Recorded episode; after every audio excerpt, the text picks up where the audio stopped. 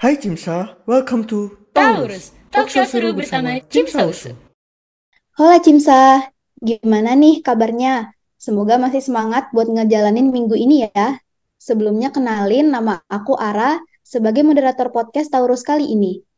Dalam episode Taurus kali ini, kita akan membahas mengenai sesuatu yang asik banget nih, yaitu peran tenaga kesehatan dalam trauma healing korban bencana.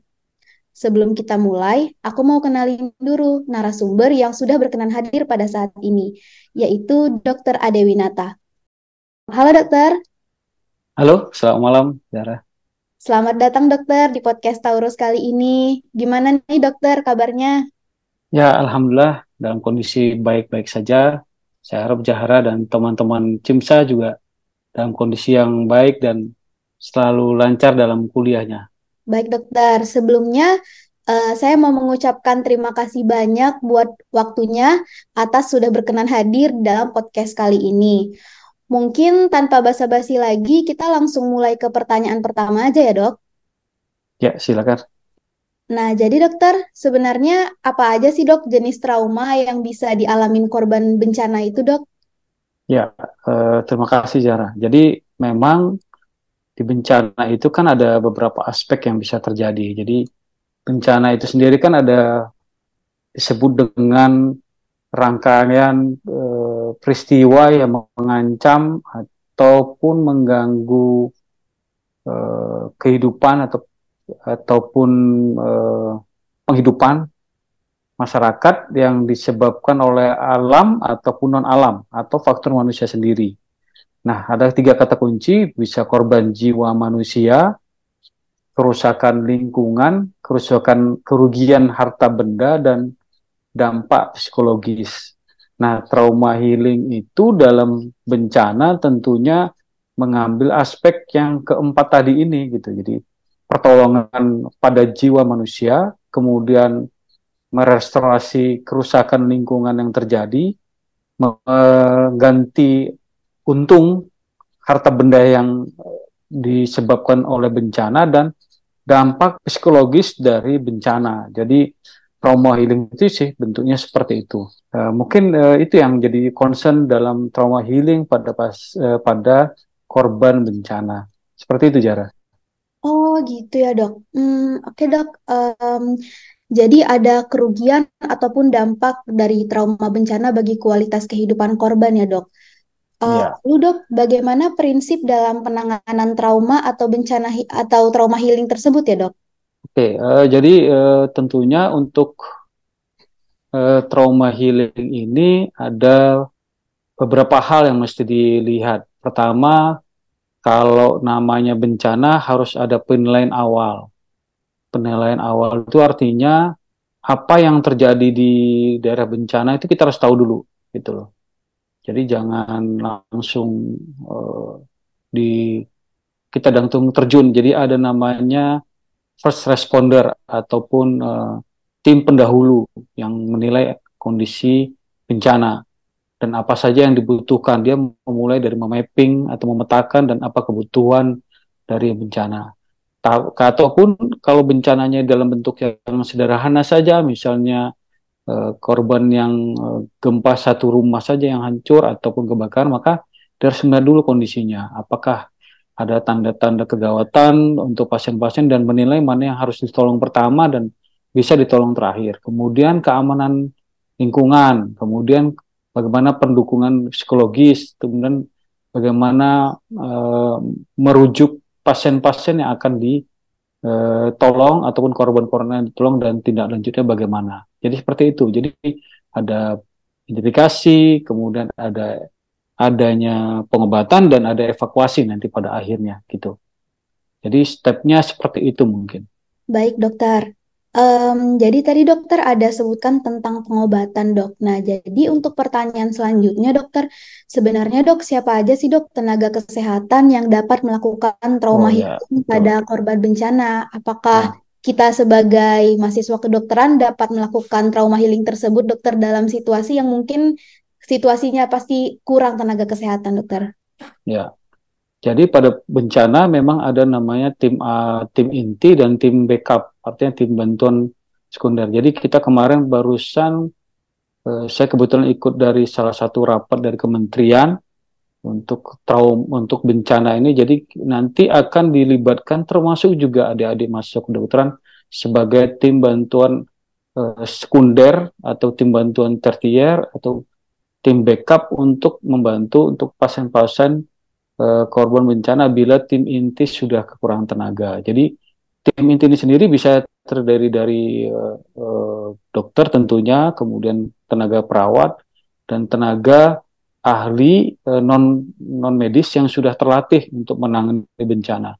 Dan kita sendiri itu uh, biasanya dikomandain oleh Basarnas biasanya Bantuan Sar Nasional ataupun badan-badan komite yang ada di Indonesia untuk membantu tenaga bencana uh, yang bisa terjadi. Nah kemarin pengalaman saya waktu di uh, tsunami, saya kebetulan tiga bulan waktu kejadian tsunami di Aceh itu dari mulai awal kita selalu berkoordinasi dipimpin oleh pimpinan daerah waktu itu walaupun pimpinan daerah mungkin sudah shutdown tapi dibantu dari tim uh, pimpinan daerah dari tempat lain dan sampai akhirnya kita berkoordinasi dan menghasilkan beberapa hal dan sampai akhirnya itu tenaga medis bantuan untuk mengisi uh, fasilitas kesehatan awal yang dulunya kosong karena tenaga medisnya mungkin ada yang jadi korban, ada yang tidak bisa kembali lagi ke daerah bencana itu sudah terisi kembali. Jadi eh, siapa pun bisa membantu asalkan sudah terlatih. Nah untuk terlatih ini yang harus kita eh, betul-betul kerjakan artinya tim awal untuk membantu dengan ABCD-nya untuk membantu dan kemudian mengkoordinasikan dengan tim yang sudah ada di tempat. Kalau nanti adik-adik dilibatkan dalam tim tersier ataupun tim sekunder dari uh, trauma di korban bencana. Demikian mungkin Zara. Wah, oke dok, menarik ya dok. Tiga bulan di Aceh ya dokter? Untuk ya, saya tiga bulan di Aceh. Oke dokter. Uh, lalu dokter, sebenarnya dok, uh, kita sebagai mahasiswa itu uh, peran kita dan peran kita dan kolaborasi dalam trauma healing pada korban bencana itu seperti apa dok? Kayak misalnya um, apa kompetensi-kompetensi dasar gitu yang harus kita miliki? Oh, ya. ya dokter. Oke, okay. Tentunya untuk penanganan awal bencana uh, pasien uh, korban tentunya ABCD harus tahu RW. RW itu apa? Jalan nafas, kemudian breathing apa? Pola nafasnya bagaimana? Bagaimana kita mengatasi AB?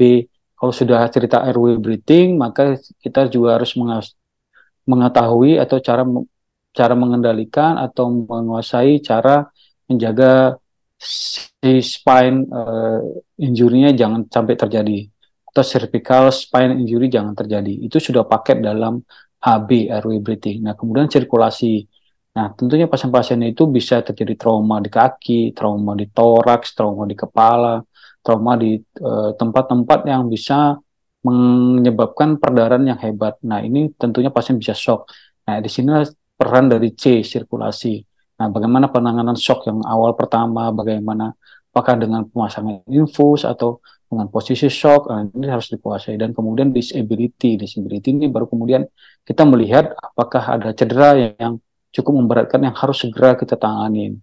Nah, kemudian eh, peran adik-adik kedokteran tentunya kompetensi yang lain kalau sudah nanti sudah terlatih tentunya setelah semua tertangani ada pasca trauma yang dis yang bisa dialami oleh kor para korban ketakutan, depresi, PTSD ataupun uh, gangguan tidur dan lain-lain terutama pada anak-anak. Nah, adik-adik kedokteran yang sudah terlatih dan sudah belajar mengenai bagaimana psikologis pasien-pasien ataupun korban-korban bencana bisa berperan di sini. Jadi ketika kemarin itu memang dibantu teman-teman dari mahasiswa psikologi uh, waktu itu kami. Uh, jadi anak-anak itu dikumpulkan supaya jangan dia takut atas uh, dentuman atau ketakutan dia tidak bisa tidur lagi. Gangguan psikologis ini harus diatasi karena nanti bisa mengganggu tentunya psikologis adik-adik kita itu atau anak-anak kita itu sampai ke uh, tingkat dewasanya. Nah ini harus di, juga diperhatikan pada korban-korban untuk uh, trauma healing. Jadi trauma healing itu bukan bisa bersifat fisik dan psikologis. Mungkin seperti itu. Ya dokter, baik dokter. Berarti broad sekali ya dokter, bukan hanya fisik tapi psikologisnya pun kita juga Iya, berperan dalam benar. Jadi psikologis itu adik-adik kedokteran bisa berperan. Walaupun mungkin konsentrasi bukan di psikologi, tapi tentunya belajar psikiatri, belajar juga bagaimana menangani uh, kejiwaan pasien-pasien trauma. Nah, ini juga jadi peran penting untuk kita sebagai tenaga medis, bagi adik-adik yang lagi belajar di kedokteran. Demikian cara. Oke, baik dokter. Um, selanjutnya dokter, um, gimana nih dokter kalau berdasarkan dari pengalaman dokter dalam trauma healing ini sebenarnya tantangan yang paling besar sebagai kita mahasiswa kedokteran itu apa aja ya dok? Nah itu dia tadi. E, pertama tentunya harus e, paham apa yang harus dikerjakan pertama tentunya kan, gitu kan. Bagaimana mau menapis atau menseleksi mana uh, korban yang akan kita tolong awalnya. Nah, ini yang sering kadang kita harus uh, bekerja dengan uh, terstruktur, kemudian membagi tugas dengan baik, dan kemudian harus uh, sigap dan uh, cepat dalam memutuskan mana korban yang harus kita tolong pertama dan mana yang harus kita tolong belakangan. Biasanya kita akan menapisnya dengan uh, memanggil nama ataupun bisa juga membiarkan man, memberikan perintah misalnya seperti ini. Uh, korban misalnya uh, gempa bumi misalnya. Terus uh, ataupun kejadian seperti yang kemarin di stadion uh, salah satu uh, bencana yang saya rasa cukup yang stadion yang runtuh dan lain-lain. Nah itu adik-adik mahasiswa kalau sudah paham bagaimana menyeleksi pertama sekali biasanya kita harus bisa menyeleksi dengan baik. Mana yang harus kita tolong pertama dengan bisa memanggil yang bisa jalan jalan ke arah kanan saya. Nah, itu artinya korban yang tidak perlu kita tolong pertama. Artinya dia masih bisa menolong dirinya sendiri untuk berjalan dan menghindari dari tempat uh, bencana. Hal-hal seperti ini harus adik-adik latih misalnya dengan simulasi-simulasi. Nah ini yang bisa dilakukan untuk melakukan pertolongan pada bencana. Kemudian tentang kedua adalah tantangan alam dan masyarakat. Artinya masyarakat belum tentu bisa menerima hal seperti ini.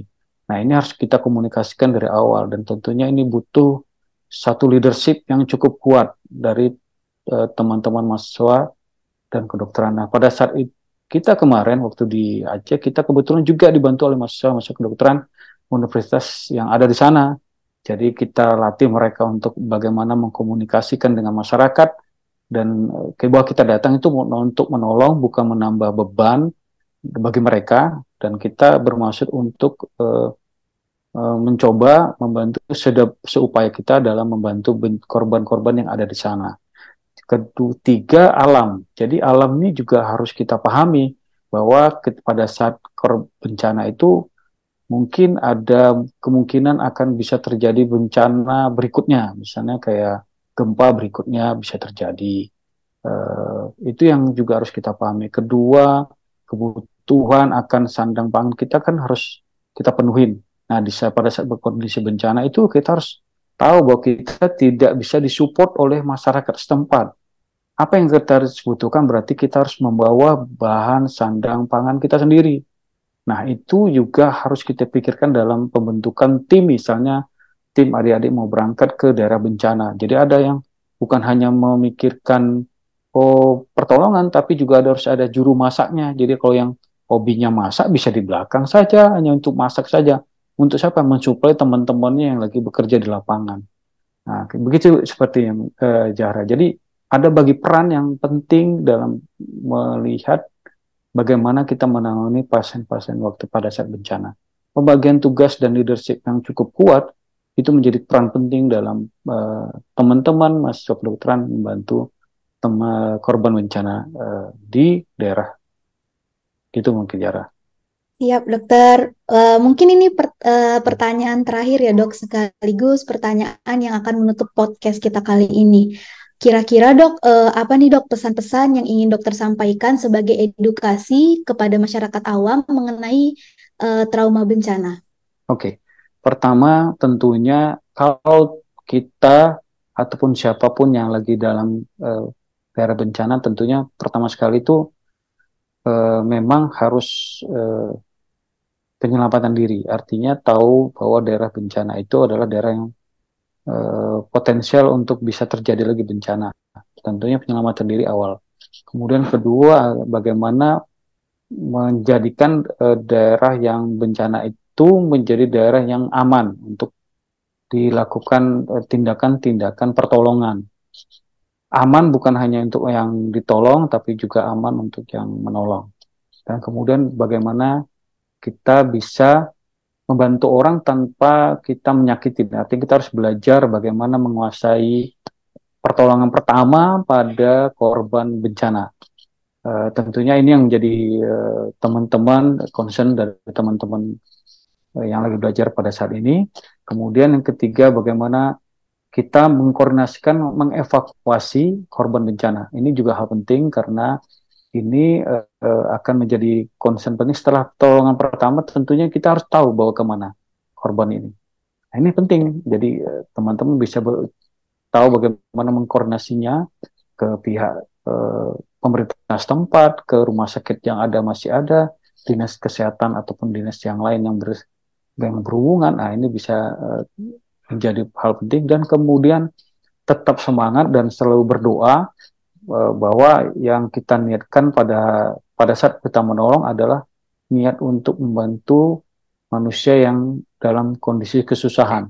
Dan ini punya nilai lebih dari sudut uh, agama mana pun tetap punya nilai lebih dan niatkan ini untuk membantu mereka yang sedang dalam kesusahan dan tetap semangat dan jangan pantang menyerah untuk tetap belajar dan membantu uh, korban-korban yang dalam kesusahan. Saya rasa itu Jahra. Jadi eh, jangan mau menyerah kalau pun ada tantangan, anggaplah tantangan itu sebuah jalan untuk mencari jalan yang lebih baik. Saya rasa itu Jahra mudah-mudahan bisa membantu dan me menyemangati teman-teman yang mendengarkan podcast kita pada malam ini pada saat ini semoga Zahra dan teman-teman juga bisa membantu dan menyemangati teman-teman yang lain menyebarkan hal ini, hal yang baik ini. Terima kasih Zahra. Baik dokter, keren banget dokter. Terima kasih dokter atas segala jawabannya yang luar biasa, yang tentunya sangat informatif dan bisa banget nih kita aplikasikan di kehidupan sehari-hari. Nah, jadi kesimpulan yang bisa kita ambil dari bincang-bincang kali ini adalah kita sebagai mahasiswa kedokteran itu punya peran yang sangat penting pada trauma healing dan basic life support saat terjadinya bencana. Dan kolaborasi yang baik antar tenaga kesehatan sangat penting dalam trauma healing untuk menjaga fisik dan psikis korban. Tapi sayang banget nih teman-teman, podcast kita harus berakhir. Nah, aku dan teman-teman Cimsa mau mengucapkan terima kasih yang sebesar-besarnya kepada Dr. Adewinata, spesialis anestesi, yang sudah bersedia meluangkan waktunya untuk menjadi narasumber di podcast Taurus kali ini. Nah, tapi sebelum aku tutup, jadi Cimsa Usu ini juga membahas isu kesehatan yang lain loh, yang tentunya menarik-narik banget. Untuk teman-teman, pantengin terus ya Spotify Taurus dan jangan lupa follow Instagram at Cimsa Usu supaya gak ketinggalan info-info menarik lainnya dari Cimsa. Saya Ara, sebagai moderator pada episode kali ini, pamit undur diri. Sampai jumpa di episode Taurus berikutnya dan jangan lupa be active with Cimsa. Cimsa, empowering medical student, improving nation's health.